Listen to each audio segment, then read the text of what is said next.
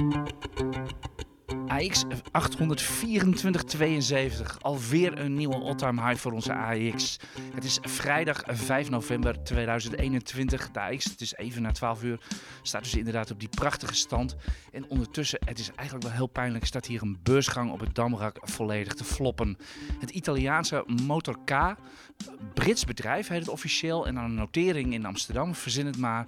Het stond net nog min 9 toen ik keek. En het ging al aan de onderkant van de range naar de beurs. Het is heel opvallend, juist door die all-time high. En omdat de technologie die ligt momenteel weer heel goed. Niels Koerts, aandelenanalist van, van IX.nl. Jij komt er zo meteen in met echt brekend nieuws. Dat, dat is er op dit moment uh, op de beurs. Dit is dus inderdaad de IX Beleggers Podcast. Ik moet het goed zeggen. Ik zeg altijd de IX Podcast. Dat is niet goed. Mijn naam is Aartje Kamp. Ik ben marktcommentator van, de, uh, van IX.nl. En aan de knoppen zit Koen. Die zorgt dat dit allemaal een perfecte, perfecte podcast uh, wordt. Want Niels en ik praten met handen en voeten. Niels, het brekende nieuws. Kom er maar in. Ja, Pfizer die heeft een coronapil. En de CEO zegt zelf dat het een echte gamechanger is. Want ik, ik zag even de headlines voorbij komen. Het is echt een paar minuten geleden is het nieuws naar buiten gekomen. En ze zeggen dat, uh, ja, dat die pil ervoor zorgt dat het aantal ziekenhuisopnames daardoor met 90% daalt. Dus dan uh, kunnen we, als die, als die echt op de markt wordt gebracht, dan uh, kunnen we af van al die maatregelen. Ja, wacht even, dit is een pil, zeg je. Dus een geneesmiddel, dus geen vaccin. Ja, nee, het is echt iets anders. En is, is het goedgekeurd? Oeh, dat heb ja. ik zo snel. Nou, het we kennen dat... al het woord vaccinweigeraars. Dan gaan we ongetwijfeld ook het woord pilweigeraars. Ja. Uh, uh. Ik weet niet precies hoe dat zit, maar die koers van Pfizer staat ruim 10% hoger. Dus dit is wel serieus. Zeker ja. omdat het een heel groot bedrijf is. Hè. Pfizer is een hele grote farmaceut. En het feit dat een koers 10% stijgt van zo'n groot bedrijf geeft wel aan dat dit echt serieus nieuws is. Ja, dat zijn tientallen miljarden. Merck staat overigens dat percentage lager. Blijkbaar hebben die een concurrerend middel of wat dan ook. Uh... Ik zou dat eerlijk gezegd ja. niet weten. Zeer, zeer opvallend. In ieder geval, uh, nou, ja, voor, het, de, voor de site ga ik er nog naar kijken. Uh, ik, ik, kan het vandaag nog geen artikel schrijven, maar ik verwacht maandag gewoon met een update voor op de site te komen. Oké, nou tot zover even dit, uh, dit brekende, brekende nieuws. Wat gaan we allemaal bespreken in deze IX Beleggers podcast? Zoals gewoonlijk hebben we weer heel veel, heel veel en nog meer. We gaan het hebben over de brede markt, zoals we dat altijd doen. We hadden een, uh, een vet rentebesluit uit het boekje wel, uit, uit het boekje. Ik moet het goed zeggen. Ik zal dat zo meteen uitleggen. En we hadden een rentebesluit van de Bank of England, de BOE. En die was volledig niet uit het boekje. Daar gaan we, gaan we ook even naar kijken. En we hebben het natuurlijk over aandelen. We gaan zo meteen eerst even PostNL doen. Misschien dat we nog net deze podcast vanmiddag op de site kunnen hebben. Dus dat u er nog wat mee kunt uh, met, als u de aandelen hebt of niet hebt. Natuurlijk over de bouwers, BAM en Heijmans. Basic Fit had... Uh, opvallend, uh, opvallend nieuws.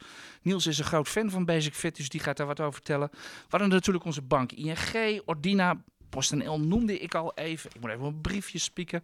Helemaal op het laatst van deze uitzending gaan we het hebben over... Er waren heel veel vragen over, over Ontex. Want wij gaan uh, vervelende koersen en, en, niet goed uitgepakte adviezen niet uit de weg. En we hebben lezersvragen, heel veel lezersvragen. Met de deur in huis vallen, Niels. Uh, als je de uh, gewone media kijkt, et cetera, was de Federal Reserve natuurlijk weer het agendapunt deze week. Vind jij dat ook? Wat is jou het meest opgevallen? Nou ja, wat mij eigenlijk het, hoogst, het meest opviel was, was toch wel de, de inflatie. Uh, dat die uitkwam op 3,4 procent. Onze inflatie, Nederlandse Onze, inflatie. Jazeker. Het hoogste niveau in 20 jaar. Dus dat viel mij wel op. Ja, en er kwam nog iets op het hoogste punt in 20 jaar uit. Dat is namelijk de reële rente. Dat is gewoon heel simpel. niveau. Ja, dat is gewoon heel simpel. Dat is, de, dat is de rente die je op je spaarrekening krijgt, een minus de inflatie. En het komt dus op min 3,9% uit. Ja, zegt u, uh, ik krijg 0% op mijn, uh, op mijn spaarrekening als u niet te veel geld hebt, boven de ton zit. Dat klopt inderdaad, maar mensen boven die ton, een beetje afhankelijk van welke, bij welke bank ze zitten, betalen die halve procent wel. En anders betaalt uw bank het wel aan de ECB als u op 0% rente staat. Ofwel, er is min 0,5% spaarrente, risicovrije rente. En het levert dus een reële rente van min 3,9%. Ja, en als je echt dat is hoe cash rendeert op dit Zeker. moment. Zeker. En dan komt er, als je behoorlijk vermogend bent, komt daar nog de belasting nog bij. ja, zeker. Ja, dat, kan ik, dat moet ik er toch altijd bij ja, zeggen. Ja, ja. Dat, uh, dat, uh, dat, dat, klopt, uh, dat klopt inderdaad. Dan zit je al op 6%, ga je al die kant, ga je al die richting op. Hè. Als je echt miljonair bent en je, je spaart, dan ga je er jaarlijks dus 6% op achteruit. Ja, dan ben je gewoon in, dan ben je in, in 10 jaar hoeveel procent van je vermogen kwijt? Dus dan nou, van die handzame... Ja, twee derde, twee derde ben je dan wel eens een beetje kwijt. Nou, dat lijkt me erg overdreven. Ja, maar, zo, maar zo wil, dat, gaat, dat, gaat echt dat gaat echt verschrikkelijk oh, hard. nee, je hebt gelijk. Ja, ik, nee, ik, ik zeg, ik zeg, ik, ik, Ik, ik, ik zeg twee derde, maar het is ongeveer de helft. Uh, ja, die kant, die, kant gaat het wel uit. En, ja, een beetje, beetje voortbordurend hierop. Uh, ik, ik, ik zat er van de week echt een beetje ja, raar naar te kijken. Hè, de gemeente Amsterdam die heeft een plan om ja, beleggers zeg maar, op achterstand te zetten, zoals het heet, op de Amsterdamse huizenmarkt.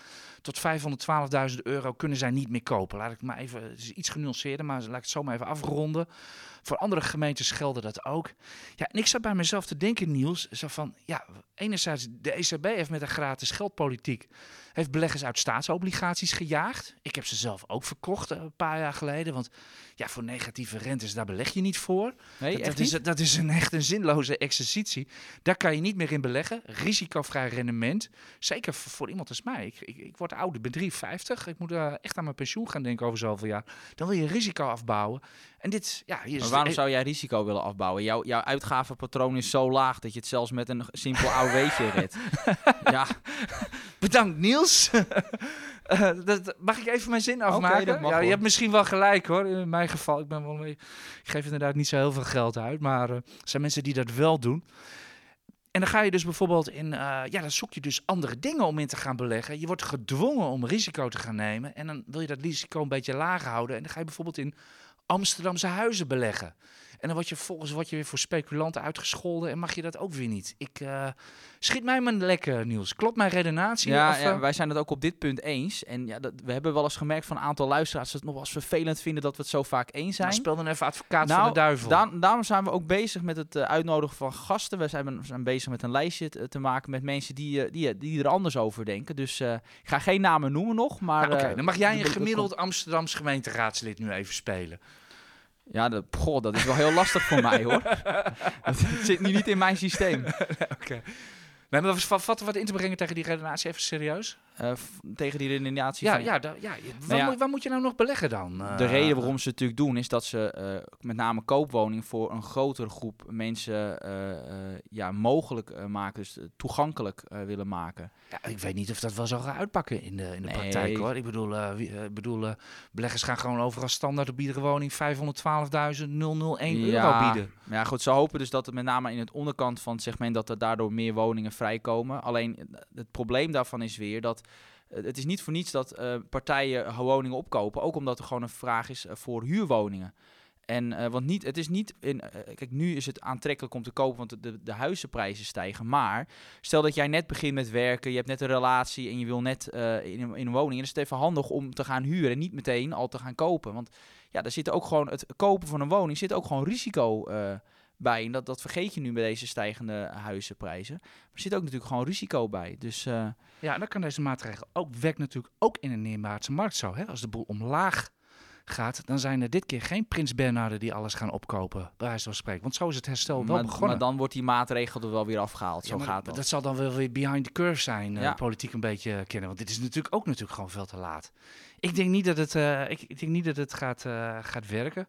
Ik heb zelf ook een vuistregel van uh, hoe, hoe meer regels en hoe meer goede bedoelingen, hoe hoger de huizenprijzen. Het komt jou, jouw huizenprijs alleen maar ten goede. Ja, ja, ik, ik, ja, ik heb geen klaar. Ja, ik zit toch ook wel boven die vijf. Dus ja. Oh, oké. dus, Dan heeft ja, ik heb, maar ik heb wel nog dat beleggingsprobleem, Niels, van dat ik niet weet wat ik eigenlijk moet kopen in plaats van staatsobligaties die ik eigenlijk wel zou willen kopen. Ik zit naar, uh, ik zit naar dividend aristocrats uh, te kijken. Kun je dat voorstellen? Ja hoor, zeker. Want dat zijn op zich relatief veilige beleggingen. Anderzijds is het wel weer zo uh, dat uh, met name bij de dividend aristocrats zitten natuurlijk wel een aantal namen bij wat ook de waardering natuurlijk ook wel redelijk zijn opgelopen. Dus gaan koersen in zijn algemeenheid omlaag, dan ben je natuurlijk met, uh, met die dividend aristocrats op korte termijn natuurlijk ook gewoon. nee, nee, nee, die illusie heb ik ook niet hoor. Zeker als de, als de brede markt omlaag gaat, gaat dat gewoon mee. Als mensen hun trekkers gaan verkopen, gaan die aandelen gewoon ook omlaag. Maar ik beleg daar niet voor in de koers. Het gaat me echt om de dividenden. Nou, die dividend aristocrats, dat, als u niet weet wie dat zijn, google dat even. Dat is echt een beschermde titel. Dat zijn de mooiste Amerikaanse dividendaandelen. Ja, die hebben gewoon de laatste 25 jaar hun dividend verhoogd. Dus ja, ieder, ook in tijden dat het jaar niet verhoogd. Goed gaat. Ja, ja, precies. Dus ook in de crisis van 2008, 2009, dotcom, uh, corona, et cetera. Die bedrijven verhogen gewoon ieder jaar hun dividend. En die hebben dus, gewoon, hebben dus gewoon altijd business. Wat de koers doet, maakt me echt niet uit. Dat is gewoon de, dat is gewoon de dagelijkse prijs wat de gek ervoor Ja, geeft, het zeg beste maar. is met dividend Hun business, hun business is gewoon geweldig en ze verdienen gewoon geld voor je. En dat komt altijd weer terug op Als het beginnende belegger, wat wil je dat die, dividend, eh, van, dat die koersen van die dividend aristocrats omlaag gaan, zodat je verhoudingsgewijs meer dividend krijgt? Dat is zo, zo werkt het wel. Het, het gevoel is vaak anders. Je wil meteen dat de koers omhoog gaat. Maar wil je eh, echt je, maandelijks wat in, die, in dat soort eh, ETF's je geld stoppen, eh, ja, dan eh, moet je eigenlijk gewoon dalende koers hebben. Ja, en let wel, dit gaat echt over risico. Hè? Ik, heb het, ik heb het niet over rendement. Het zei, ik, eh, ik heb ook niet slecht gedaan de afgelopen 15 jaar, kan ik wel zeggen. Het gaat er mij nu om dat ik wat ouder word, dat ik juist mijn risico weer wat terug wil brengen. En dus ook niet meer voor de hoogste rendementen ga. Dus, eh, Nee. dus even met, met die insteek. eh Zullen we die maar even... Ja, mo- Ja. Moeten, moeten we nog over de vette... Ik had het beloofd, vet Ja, in de de BOE. Federal Reserve, ja. Ja, ja de- dat was een vlekkeloos rentebesluit. Ik heb het zoals altijd weer gevolgd voor, de, eh, voor IX. Vlekkeloos, dat wil zeggen, ze hadden het perfect gecommuniceerd naar de markt. Er zat zowel in, de, in het besluit zelf als in de persconferentie nul verrassingen. Dus de koersen bewogen er ook helemaal niet op. Er gebeurde echt helemaal niks. Dus het was, eh, het was goed weggezet. Nou, u hebt het gezien. eh, de, de Federal Reserve gaat 15 miljard per maand minder steun verlenen. Het is nu 120, dus in juni zijn ze klaar. En dan gaan ze in H2 volgend jaar in principe twee kwartjes rente verhogen. Maar jij weet ook, AJ, er kan nog zoveel gebeuren in, die, ja, in, en, jaar, en, wie- de eerste om dat toe te geven is de, is de Fed-president zelf. Hij heeft zelf gezegd van... eh it makes me humble, of it, makes our humble, zei hij. Dus echt nederig. Als we nu naar de economie kijken, er zitten zoveel onzekerheden in.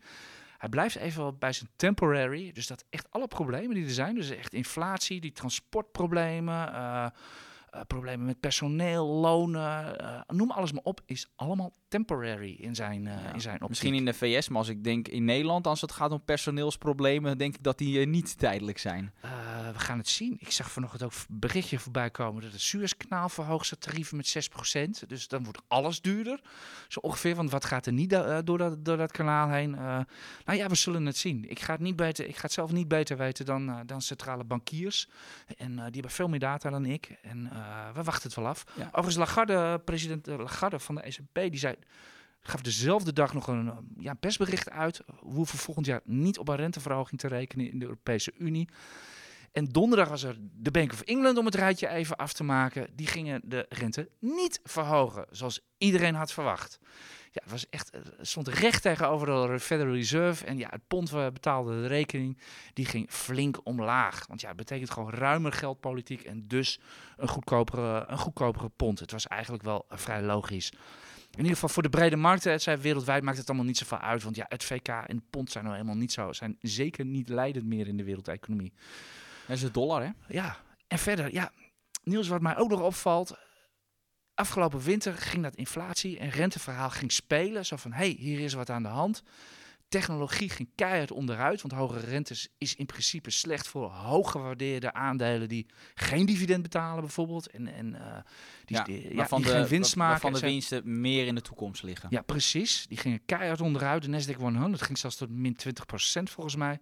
En nu is de situatie eigenlijk een beetje een feit. En wat stijgt er momenteel het hardst? Technologieaandelingen. Jij schudt je Ja, hoofd. met name wel de chippers. Maar goed, ja, die, door die chiptekorten, ja, die, die chippers die kunnen vragen wat ze maar willen. Die Ja, maar er zit, er zit meer dan alleen chippers in de Ja. Nasdaq 100. Ja.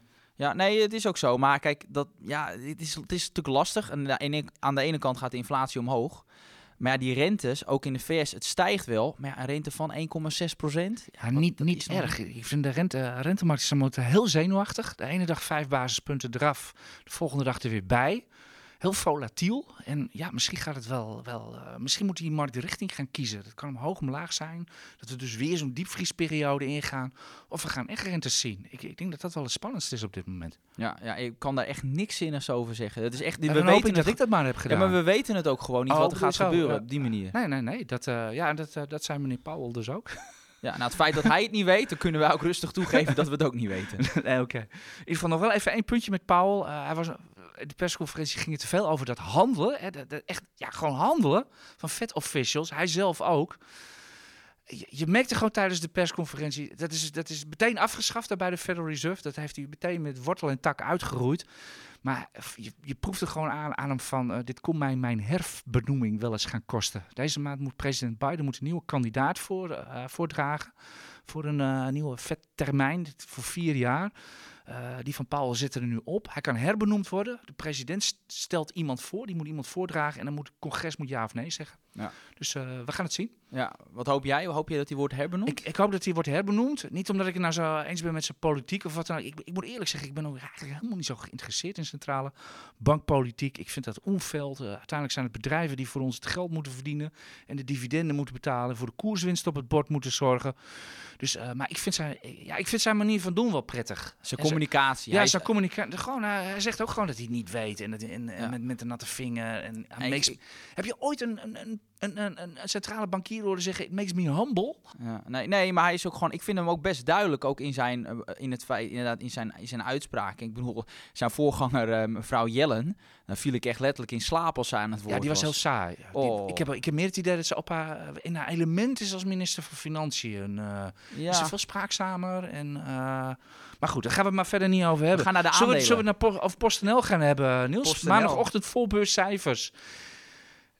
Ja, de, jij? ja, de hedge funds denken eh, het gaat omlaag, want die eh, nemen short posities eh, ja, niet, in. niet massaal overigens hoor. Er zijn er wel een aantal die zitten met, met kleine posities short. Ja. En dan hebben Ja. we een ene meneer Kretinsky, die, ja, ik weet, ik weet niet wat hij nou te zoeken heeft in PostNL, maar die gaat dus, ja, die zit al boven de 20%. ja, Daniel Kretensky is een Tsjechische zakenman. steenrijk, miljardair is hij. Ja, die heeft in de afgelopen maanden heeft hij een belang van 20% opgebouwd. En dan moet je eens even naar de koers kijken. Die is sinds mei, toen was hem precies een top op 5 euro.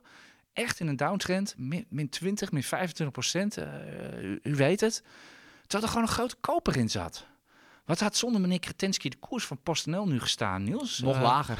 Ja, dat zeker, ja. En niet zo'n beetje ook, denk ik. Ja, ja. Ja, blijkbaar. Ik, ik- Herna, Herna Verhagen, de CEO van PostNL, mag wel een bloemetje sturen. Ja, ja. maar ik kijk wel echt met heel veel interesse naar de, naar de cijfers eh, van, eh van PostNL. Eh, omdat, eh, ja, als ik, als ik eerlijk ben, als, als zij gewoon kunnen voldoen aan de verwachtingen die, eh, nou, die zijn geformuleerd, dan, dan, dan denk ik juist dat dit een mooi instapmoment is. Maar ja, Ik hoor twijfel in je stem. Nou ja, eh, de twijfel zit er met name in dat ik bij PostNL er wel vaker naast heb gezeten. dus ik ben er wel even voorzichtig ermee. Oh, ja. ja, het is jouw angstgegner Ja, aandeel, hè? ja, nou, daar gaan we het maar niet over hebben. Dat, eh, Dat dat- staat in mijn top drie van grootste missers ooit, PostNL. Dus eh, Dus nou ja, in ieder geval, het is goed dat je dat in ieder geval aan jezelf toegeeft, Ja. denk ik. Dat je gewoon gruwelijk geblunderd hebt of, of ergens een fout gemaakt. En dan maar hopen dat je, dat je die niet weer maakt. Je had toch verkocht op 1,30, hè? 1,30 Voor de euro. Voor de mensen die zich nu afvragen. Vertel, vertel het nog even in één keer, in één keer die blunder, Niels. Ik was er gewoon helemaal klaar mee. Laten we daar. Je verkocht op 1,30. nee, dat was gewoon een hele slechte beslissing. Maar dat, dat was wel zo. Het was wel een andere periode. Want het was toen wel zo dat PostNL gewoon geen, die marges niet haalde. Die maakte gewoon, die verdiende gewoon geen geld. Toen kwam nog corona erbij. Dus het was al minder, minder, minder. Toen kwam corona. En toen dacht ik van, nou, weet je, eruit. En Iedereen is nu aan het lachen. Ja, omdat eigenlijk ze hebben juist heel veel baat gehad bij corona. Ja, en dan denk je, hoe kun je als analist... Nou goed, ik ben dan niet de analist van PostNL. Maar hoe kun je dan als toch wel... Ja, als, als aandelenanalist zo'n fout maken? Ja, dat, dat kan. Ja, ik geef het iedereen op, eh, op een briefje die, die nu in de afgelopen eh, jaren nieuw is, is, is gekomen op de beurs. Zeg maar de afgelopen vijf jaar of wat dan ook. Over 10, 15 jaar kijkt u ook op uzelf terug van... Hoe kon ik in die jaren zo stom zijn? Ja. Echt waar, gegarandeerd.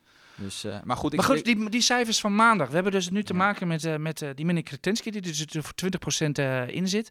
Waarom biedt hij niet gewoon op het aandeel... nou, dat mag je best proberen. Maar dan zegt de Nederlandse overheid... Ja, dat zou je wel willen, meneer Kretinsky. Maar dat gaat, gaat mooi niet door. ja, Want ja, dat, dat zal de overheid altijd tegenhouden. Dat eh, aandelen als ja, het voormalig staatsbedrijven... Dat, KPN, PostNL. dat ja. wordt niet gewaardeerd als dat in buitenlandse eh, handen valt. Oké, overigens formeel volgens de beursregels moet hij gaan bieden als hij, meer, als hij 30% heeft of meer. Dan moet hij, dan moet hij echt gaan bieden. Ja, maar Dat gaat niet over die 30% Nee, dat zit er dik in. Eh, hij heeft natuurlijk wel door over die 20% heen, heen te gaan. Heeft hij natuurlijk wel heel erg duidelijk gemaakt van hallo, hier ben ik. Ja. En Martin Krum, onze, onze collega-analyst, die, die opperde nog van misschien gaat hij wel een positie in de board claimen of wat dan ook. Hè, hij heeft ook positie in Royal Mail. En eh, zit hij ook niet in Duitsland of bij... eh, Dat weet ik niet. in ieder geval, eh, misschien dat hij iets van een Europese pakketjesbezorger voor ogen heeft of wat dan ook. Dat, dat zou kunnen. Ja. Wat wel voor de cijfers pleit of van, van, van PostNL is dat bijvoorbeeld Deutsche Post, die had wel echt goede cijfers. Dus die had ook een outlook verhoging. Dus nou, als je daarnaar kijkt, denk ik van nou, zit wel wat in het vat. Ja, en misschien als je naar de huidige coronacijfers eh, kijkt, ja, dan zou je misschien ook wel een dobbeltje kunnen wagen door te gokken op dat ze het weer druk gaan krijgen deze winter. Of is dat wel iets te ver gezocht? Ja, kijk, zeker nu als er echt een coronapil komt van Pfizer, dan is het natuurlijk ook een beetje korte termijn. Ik, ik, ik zie niet zo snel dat er echt hele strenge Het is maatregelen eigenlijk jammer dat we dat nu net even niet de Nee, koersreacties nee. kunnen zien. Misschien gaat Just Eat Takeaway of, of, Nee, of dat soort aan. We moeten er nu toch eigenlijk wel even naar kijken en zo. In ieder geval even naar kijken of, of die erop reageren. En, eh, dan moeten we straks maar even kijken. Is voor ons nu ook een beetje verrassing. Zullen we snel doorgaan? eh, doen we nog even een. Ja, we doen nog even. Ja, het staat heel, Niels heeft het heel mooi in het lijstje neergezet. Eh, die heeft even zo'n shortlist gemaakt van wat we bespreken. Er staat puntje 4, BAM, en puntje 4a. Staat dan Heijmans. Ja, maar dat was meer omdat ik gewoon Heijmans ertussen voegde, want ik was hem vergeten. Dus ja, maken er maar 4 A van. Oké, zullen we die nog even doen Ja, voordat we naar de leesvragen Ja, gaan? is goed. Eh Heijmans had, voor, zeker voor bouwerbegrippen blow-out cijfers, eh, Niels. Ja. De koers ging er ook, ging er ook helemaal to the moon op, om het maar eens even hip te zeggen. Ja, zij, bij hun is juist dat grote infrastructuurprojecten het wel eh, heel succesvol zijn. En bij eh, BAM eh, niet. Hebben ze nog grote infrastructuurprojecten dan, Heijmans? Dat doen ze toch niet meer? Dat tekenen ze dan niet meer op in? nee, ik, in het persbericht las ik dat dat, die juist, dat, dat juist goed ging. Dus eh, dat, dat Dat moeten zijn ze nog oude projecten zeker. Ja, ze zijn er tegenwoordig heel, heel voorzichtig mee om nog nieuwe grote projecten, projecten aan te nemen. Ja. Ja, ze hebben natuurlijk met Tenet hebben ze natuurlijk eh, wel een dingetje, maar dat, is al, dat zit al ruim in de, in de koers. eh, eh. Ja, zitten er nog mogelijke adders onder het gras bij Heijmans? Ja, sorry Heijmans dat we erover beginnen, maar het is nog dat eenmaal zit bij zo. een bouwer En- altijd. Ja, dus zitten er nog mogelijke adders onder het gras of wat dan ook? Ja, je hebt natuurlijk die, nog dat dispuut met, met Tenet, maar dat zit wel al redelijk in de koers. En, eh, ja, maar het, het- vaak is dat je het bij bouwers allemaal niet helemaal kan voorspellen. Bij BAM dan natuurlijk wel, want met die afsluitdijk, dat hebben we natuurlijk twee jaar geleden al gezegd, dat het een, een drama zou worden. Nou, bij BAM zie je nu ook weer dat er weer wordt afgeschreven op een groot infrastructuurproject Ja, dat begint- in Nederland. Ja, waar ze vast ze de naam niet willen noemen, maar we weten natuurlijk allemaal dat het begint met een A en eindigt op Sluitdijk. Ja, Dus ja dat... eh, Maar goed, kijk, dat, wat natuurlijk bij bouwers altijd zo is, is, is natuurlijk, het is een heel, zijn cyclische bedrijven. eh, als het goed gaat, nou, dan hebben ze vaak weer hogere kosten, want zijn werknemers duur. ja, precies. Al Ja. die onderaannemers die, die, verhogen dan meteen hun tarieven, et cetera. Dus dat gaat dan meteen weer van de marges af. Ja. Dat klopt. Dus omdat dat bis en lage marges ook bij bouwers, maar omdat die marges zo laag zijn en eigenlijk dat verdienmodel niet top is, is het ook zo dat die waardering heel laag is. Want ik heb even toevallig zitten kijken. Ja, voor, voor, voor Heijmans betaal je 6,6 keer de winst. En voor BAM zit je iets van op 7. Ja, dat zijn echt wel... eh, op de, bij deze rente zijn dat afbraakwaarderingen. Oké, ik heb zelf ooit van een analist geleerd dat je nooit meer dan 10 keer de verwachte winst voor een bouwer moet betalen. Eh, klopt dat? ja, Of is dat te grof? het hangt ook altijd weer van de rente af. Ik bedoel, dat is Ja. leuk, leuk gezegd. Maar de- als de rente morgen 5% is, ja, dan gaat die vliegen natuurlijk helemaal niet op. Eh, nee. Dus eh, nee, ja, nee, dus ik heb ook wel eens een analist horen zeggen van je moet nooit, je moet altijd aan, je moet aandelen kopen met een waardering. eh, als de brede markt met een waardering onder 10 staat, ja, dan kun je dus al 50 jaar geen aandelen kopen of zoiets. Dat, dat soort geen. Het is leuk. Het is leuk soms voor het moment, maar dat zegt weinig. Maar bij bouwers, ik ben, blijf daar zelf van nature van af. Maar bij deze waardering snap ik bijvoorbeeld wel dat je, dat je voor een Heij- Heijmans kiest voor de spreiding bijvoorbeeld. Die zou dat Heijmans geen BAM. Nee, nee, niet BAM, nee. Nee. Je vindt die afsluitdijk gewoon te groot ja, risico? kijk, of- en ik hou er ook gewoon niet van. Wees ook duidelijk, als, als iets niet goed gaat, maak het dan ook gewoon zichtbaar. Zeg, geef gewoon toe dat het de afsluitdijk is, bijvoorbeeld. Ja, dat Ik- dat, ik moet eerlijk zeggen dat ik dat ook niet zo goed begrijp van BAM. Hè. Je, eh, is natuurlijk een hoop vertrouwen geschaad met beleggers en natuurlijk in de afgelopen jaren. En als je dan, een, hè, er zit een nieuwe CEO, die, die, is echt, die is echt wel goed bezig, die houdt grote schoonmaak. Maar als je dan echt een nieuwe start wil gaan maken en een, en een open relatie eh, wil aangaan met, met de beurs en beleggers, et cetera, dan moet je gewoon luid en duidelijk communiceren. Vind ik dit echt niet handig hoor. Want dit, dit, dit, dit, dit, dit, dit sluipt gewoon. En eh, zijn ze nog koopwaardig? Ja, je noemde het al een beetje. zijn ze nog als koopwaardig? als Vinden onze analisten ervan? Kun je er iets van zeggen? Nou, ik vind wel voor de uitgebreide analyse moet je natuurlijk gewoon naar de site. Maar ik denk als je echt mij echt zou, zou vragen, hey, je moet een van de twee kiezen, zou mijn voorkeur bij Heijmans liggen. Maar goed, Mijn, eh, mijn ook heel eerlijk gezegd. Maar, maar nogmaals, ik... eh, maar dat, dat, ja, voor de echt de duidelijke analyse kunt u naar de site. Oké, gaan we zo verder met, eh, met Basic Fit. Dat- Basic Fit, dat is, eh, dat is jouw aandeel echt. Gaan we eerst even lezersvragen doen, eh, Niels. Want we hebben er weer heel veel. Ja, nou de eerste vraag is, nou, denk wel een beetje voor jou, eh, AJ, van H31J Koop. Ja, het zijn toch weer bijzondere namen allemaal. Hebben jullie enig idee hoe ABP haar miljardenbelang in Roy Dutch Shell in de markt gaat, zet, gaat zetten? Zijn ze er al mee bezig? Hoe gaan ze dat doen? Hè? Misschien wel iets voor jou. eh. Eh, bij mij weten, was vorige week geloof ik met, met eh, het beroemde eh, besluit van dus het beroemde besluit van ABP om uit olie en gas te gaan vertrekken. Dat is wat ze zeiden. Dus in principe hebben ze nog niks verkocht, maar dat weet je nog niet. Dat weet je natuurlijk nooit zeker. Het kan best wel zijn dat ze al wel wat verkocht hebben. Uh, ze hadden er zelf over dat ze dat in enkele jaren willen afbouwen. Dus ja, in principe kan je dan iedere keer een klein plukje in het boek zetten.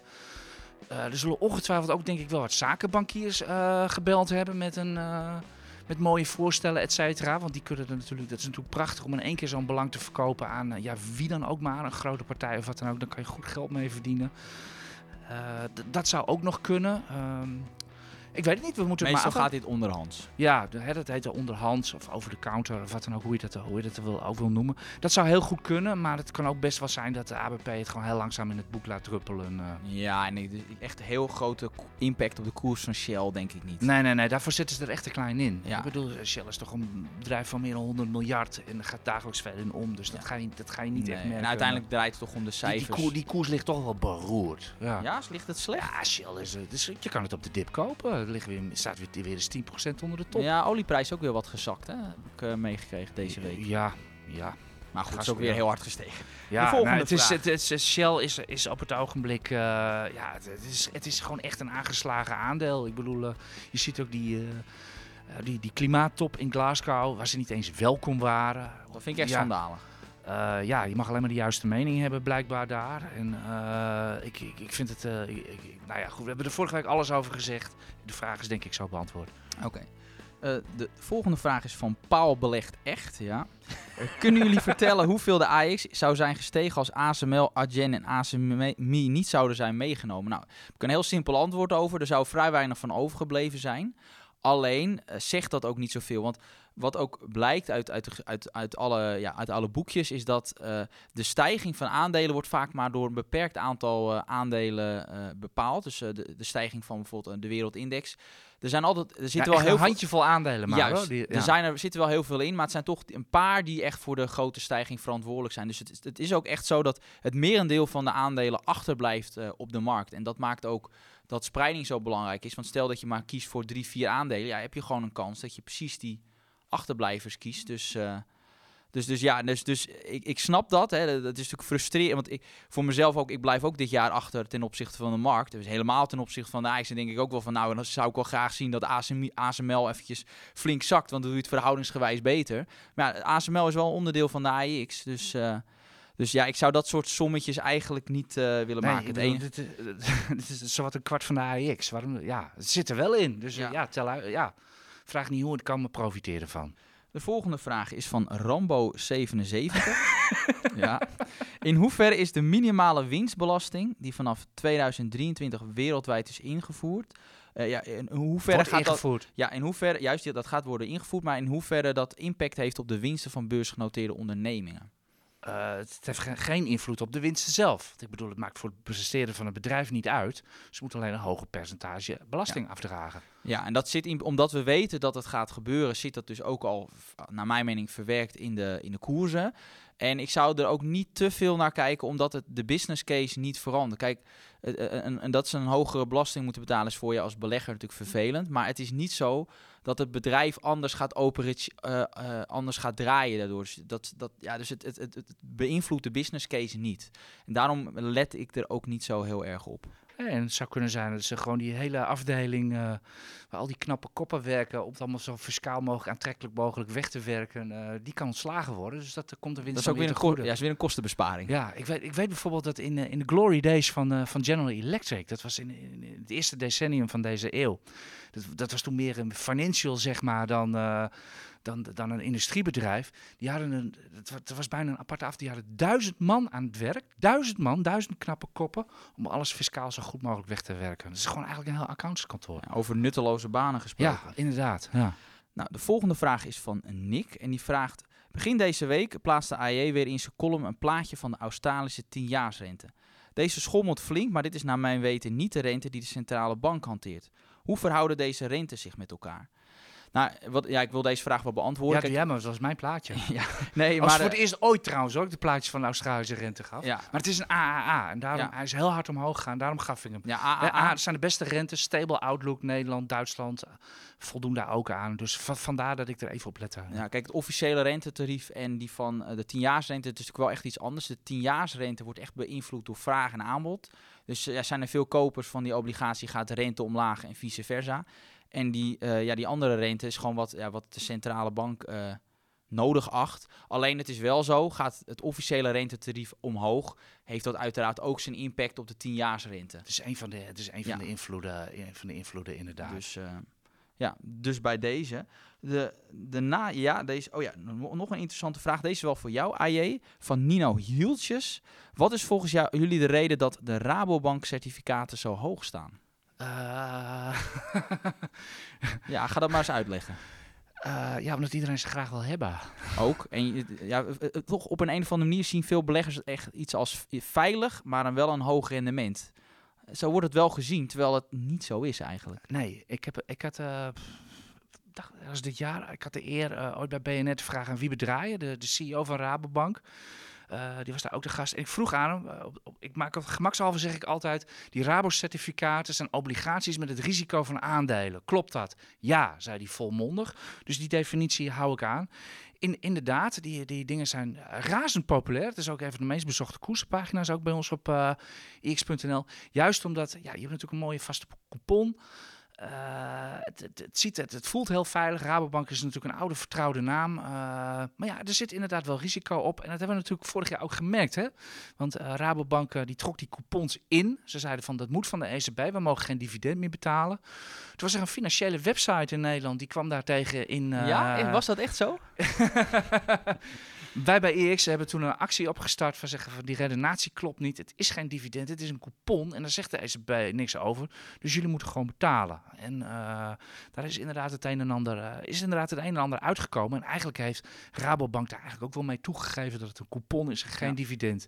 Dus ja, dat, dat, laat die, dat laat die definitie. Ik denk dat die definitie het perfect zegt. Gewoon een obligatie met, met zijn risico van Ja, aandelen. en de lage rente speelt uiteraard mee. hè. Gaat de Ja. rente omhoog, dan, gaat, dan, dan eis je als eh, Rabobank certificaathouder ook een hoger rendement van die certificaten en gaat de koers omlaag.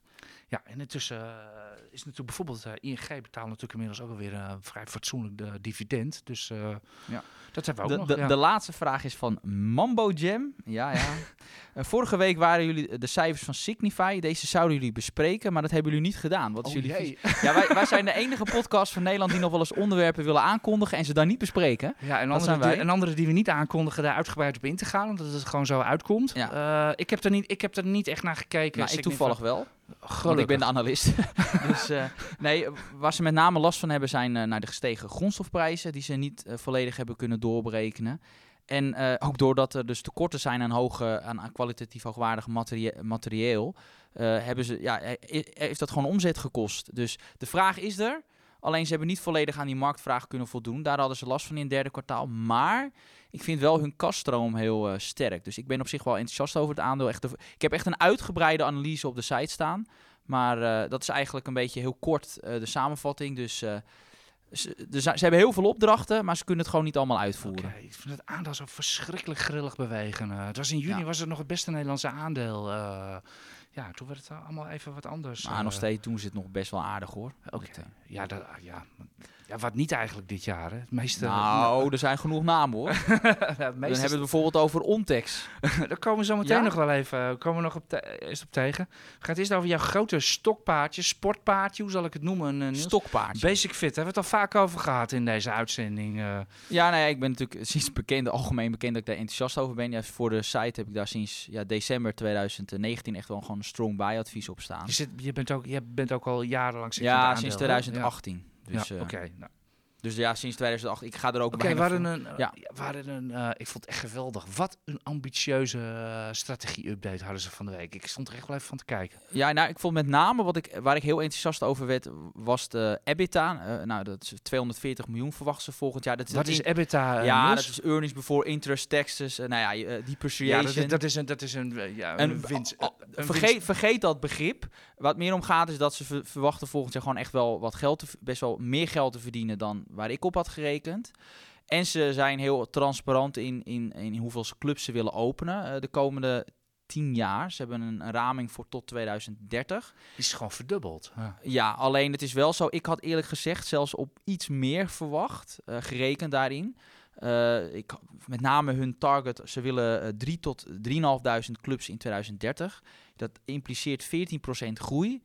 Maar ik denk dat er wel iets meer in zit dan die, eh, dan die 14%. Maar, ze- Alleen- tot- maar tot nu toe, wat ze beloven, eh, leveren ze ook steeds. Ja, nee, absoluut. En maar het gaat met name, ik denk met name waar de markt enthousiast over, is, eh, over was, was die, eh, die, die EBITDA van 240 miljoen. Ja, het is echt, een, echt wel een beetje een analistenbegrip. maar daar kijken Ja, wij het is een erg- winstbegrip. Het is een winstbegrip. Ja, het is het meest schone winstbegrip. Maar ja. als die omhoog gaat, die EBITDA, kunnen ze ook meer geld lenen. Dus ook meer clubs openen. Dus daarom is dat wel belangrijk. Dus dat wil ik meegeven. Ja, Basic Fit, eh, dat, dat, ja, met name het verdienmodel, daar ben ik toch wel voor gevallen. Ze zijn de grootste eh, speler eh, van Europa. Ja, Oké, gaan ze die Ja. 3000 clubs allemaal in Nederland of de Benelux en Frankrijk openen? Of komt er een landje bij? Zeker, er komt een land bij. Wat denk jij? ze- ze- Hebben ja. ze niet gezegd namelijk? Nee, ja, ze zouden, de, ze zouden eind eh, eh, van de gisteren, eh, einde van de middag, de presentatie online zetten. Hebben ze niet gedaan. Oh, ze doen Maar dus niet alles uit- wat ze beloven. nee, maar het zou, ik ga ervan uit dat het Duitsland is. Duitsland, oké. die, Maar goed, Ja, en, ja, we moeten hier nog even voortborduren, want er waren meer sportscholen met cijfers. Dat wil zeggen, we hadden peloton gisteren. ja, dat is geen sportschool. Nee, maar dat is, dat is dus thuisfitness, hè. Daar komt het, daar komt het wel op neer. Die hadden gisteren cijfers en die gingen min 30%, want de Outlook ging aan diggelen. Ja. Er was ook nog, heet die andere sportschool? Dat is echt een Planet sportschool. Fitness. Planet Fitness. Die hadden ook cijfers en die gingen plus 10%. Nee, maar het maakt gewoon even Is, de, duidelijk. is, ja, is, de, is de conclusie dat eh, sport een sociale aangelegenheid is, eh, Niels? maar Want het dat- is duidelijk, want Peloton zegt... eh, de mensen laten die peperdure fietsen, die staan te verstoffen thuis... en ze gaan weer terug naar de sportschool, zei Planet. Ja, maar dat, dat kijk, ik, ik weet nog, toen met corona, april, mei, toen hoorde iedereen van, nou, weet je, door corona, waardoor dat we meer thuis blijven, mensen weten nu hoe het is om thuis te sporten. Dat gaat zo blijven en dat gaat ten koste van de sportschool. Nou, ik ben zelf ook een sporter. Ik wist van, eh, eh, zo werkt dat niet. Want je gaat ook naar de sportschool. Het is, een, is inderdaad een sociale aangelegenheid. En je weet ook dat als je daar bent, dat je niet de enige bent die moet, eh, flink moet bikkelen. Dus dat geeft een, ja, een bepaalde... eh, laat ik het zo zeggen. Ja, het is een soort van. eh, het motiveert mij om naar zo'n sportschool te gaan. Dat je gewoon niet de enige bent. En thuis is dat gewoon heel veel lastiger eh, om het vol te houden. Dus, en het scheelt ook gewoon geld, want die apparaten zijn duur. En je moet er ook maar net ruimte voor hebben in, in je huis. Dus. Nee, dus ja, ik, Basic Fit, wa- wat mij betreft, is dat, eh, ja, zijn zij echt perfect gepositioneerd om echt eh, de McDonald's onder de sportschoolketens te worden. Dat is, eh, ik, hoop dat daar, ik hoop dat ze dan ook zo'n dividend-aristocrat aan de McDonald's Over tien daar jaar- hoef je, daar hoef je nu nog niet op te Over tien jaar wordt dat echt een, gaan ze beginnen waarschijnlijk echt met dividend uitkeren. Dus ja, de, de komende tien jaar hoef je daar echt niet op te rekenen, want dan draait het om groei. En daarna dan wordt het, ja, kunnen ze dat wel uitkeren. Niels, we lopen nog even snel eh, ING. Ik heb ze zelf. Ik eh, vond het gewoon afvinken. Ik zeg wel, ik heb ze zelf, maar ik moet eerlijk zeggen dat ik zo langzamerhand wel eh, met die zoveel koerswinsten tussen gehaald, dat ik wel een beetje zit te kijken. Zo 16, 16,5 ga ik maar eens beslissen wat ik ermee doe. Ja, ja, jij zegt altijd van, nou, ik ben altijd wat ongelukkig met aandelen, met selecteren, hè, want ik ben meer een ETF-belegger. Maar ik geloof dat, dat zowel Shell als Ja, ja. Nee, ik ben- schot ben- in de ik ben- roos ik ben, echt, ik ben echt niet goed, eh, ben echt niet goed in het handelen. Ik, ik ga gewoon tussendoor, maakt het uit. Ik had het gisteren nog met mijn collega Pieter over. We hadden het over eh, crypto. En het was ja, bijna een jaar geleden, zo, zo rond de kerstdagen. Toen, toen, toen liep het ook op, die crypto's. En dat is het enige moment dat ik spijt heb gehad. En, eh, en toen, het waren niet de particulieren, maar de industrie ging erin. En Pieter, mijn collega Pieter Kort, die is er toen ingedoken. En ik zat zelf, ik begon weer met mijn eeuwige mitsen en maren. Ik had zoiets van, hé, hey, er is momentum. Ik zou er eigenlijk in moeten. Want als de industrie erin gaat, volgt de rest vanzelf. Gewoon puur voor de, puur voor de dobbel, et cetera. En dat heb ik niet gedaan. En het is... Kijk, daar, daar lees ik weer aan af, Niels. Dat is het enige moment dat ik spijt heb. De andere momenten eh, was het Maar, gewoon... maar wat heeft dit met ING te maken? Nou, Want we eh, zouden toch ING behandelen? Ja, ja, ja, maar ik was... Hoe kom ik nou op dit zijpaadje? Ja, geen, ja, over, over individuele namen. Ja, over ja, ja. Daar nee, ik ben, daar, ik ben daar gewoon niet goed. Je moet jezelf kennen op de beurs. En ik ben, ik ben gewoon niet goed in aandelen selecteren en ook niet in handelen, et cetera. Dus moet je dat gewoon niet doen. Vandaar, eh, vandaar dat Ja. ik dat even wou zeggen. En, ik, en dit wat ik zeg met, met die crypto, et cetera, dat ik het vorig jaar eh, aardig zag, maar niet, gewoon niet momentum benut Ja. hebben. Die je gewoon eigenlijk wel moet doen dan als, als handelaar. Ik ben er niet goed in. zo'n Die cijfers van, eh, die cijfers van ING, Ja, maar- ik vond er niks bijzonders aan. Nee, maar wat wel is die waardering loopt ook wel wat op van ING. En waar je wel op moet letten, zo'n lange termijn risico is wel zo'n digital currency van de ECB. Ja, dat zou, ja, dan krijgt waarschijnlijk iedere Europese bur- burger een bankrekening bij de Europese Centrale Bank. Dat kan, dat, dat, het zit erin dat dat gaat gebeuren. Ja, dat is wel kan echt inhakken op het verdienmodel van banken. Dat is wel een risico. Ja, ja, ik zit zelf ook aan een edge te denken, omdat ik gewoon echt niet ga zien hoe, hoe banken in de toekomst nog waarde gaan scheppen, Niels. Het businessmodel wordt aan alle kanten aangevallen, hè, door fintech, et cetera. En uh, de enige waar, die, uh, waar banken momenteel investeren is peperdure witwasafdelingen. Uh, ja, daar verdien je geen geld mee. Nee. En, Heb je al een bestemming voor dat geld? Ga je een ander aandeel? Ja, die gaan dan in... ah, het, weet je, het is peanuts geld. Het is echt maar... Nou, dat maakt niet uit. maar nou, ik zit dus te denken aan dividend aristocrats. En ik zit ook nog wat te denken aan semiconductors. En ik zit ook, wat ik net zeg, ik wil ook, ook wel een pluk in crypto omdat de industrie, die heeft het omarmd en die gaan het nu aan een klanten verkopen. Er zitten zulke hoge marges op, die gaan het gewoon aan een klanten verkopen. waarom heb je ze nog dat, niet dat, gekocht? Want dan, dan kan ik geen haast heb. Dan kan ik, niet... gewoon de, de, bel luiden ja, van dit is de piek. je doet maar. Maar uh, nee, ik denk dat er naar mij nog veel meer sukkers ingaan. Dus uh, nee, ik heb, ik heb geen haast. Ik, ik, ik, wil, ik koop het liefst een product waarmee ik er een aantal van die dingen meteen heb. Ik heb ik, nou, eigenlijk een soort van trekkertje. En, uh, en dan weet ik ook nog niet of ik erin ga beleggen, dus maandelijks kopen. Of dat ik er in één keer een bedrag in hoest. Ik wil dat gewoon eerst voor mezelf duidelijk hebben, precies wat ik ga doen. Voordat ik iets ga doen. Ten meer net wat ik zeg van, ik ben niet goed in handelen en, en dat soort dingen. Ja, dat zijn allemaal dingen die ik gewoon 20 jaar geleerd heb. We zijn Zo. al 40 minuten onderweg. Ja, we hebben Ontex nog niet behandeld. Ja, want daar kregen we heel veel vragen over. Die hadden we Ja, afgelopen ga, keer. ga, die, ga die dan nog maar even Het- uitgebreid doen. het wat, wat, is, wat is het geval? Je had een advies op Ontex afgegeven.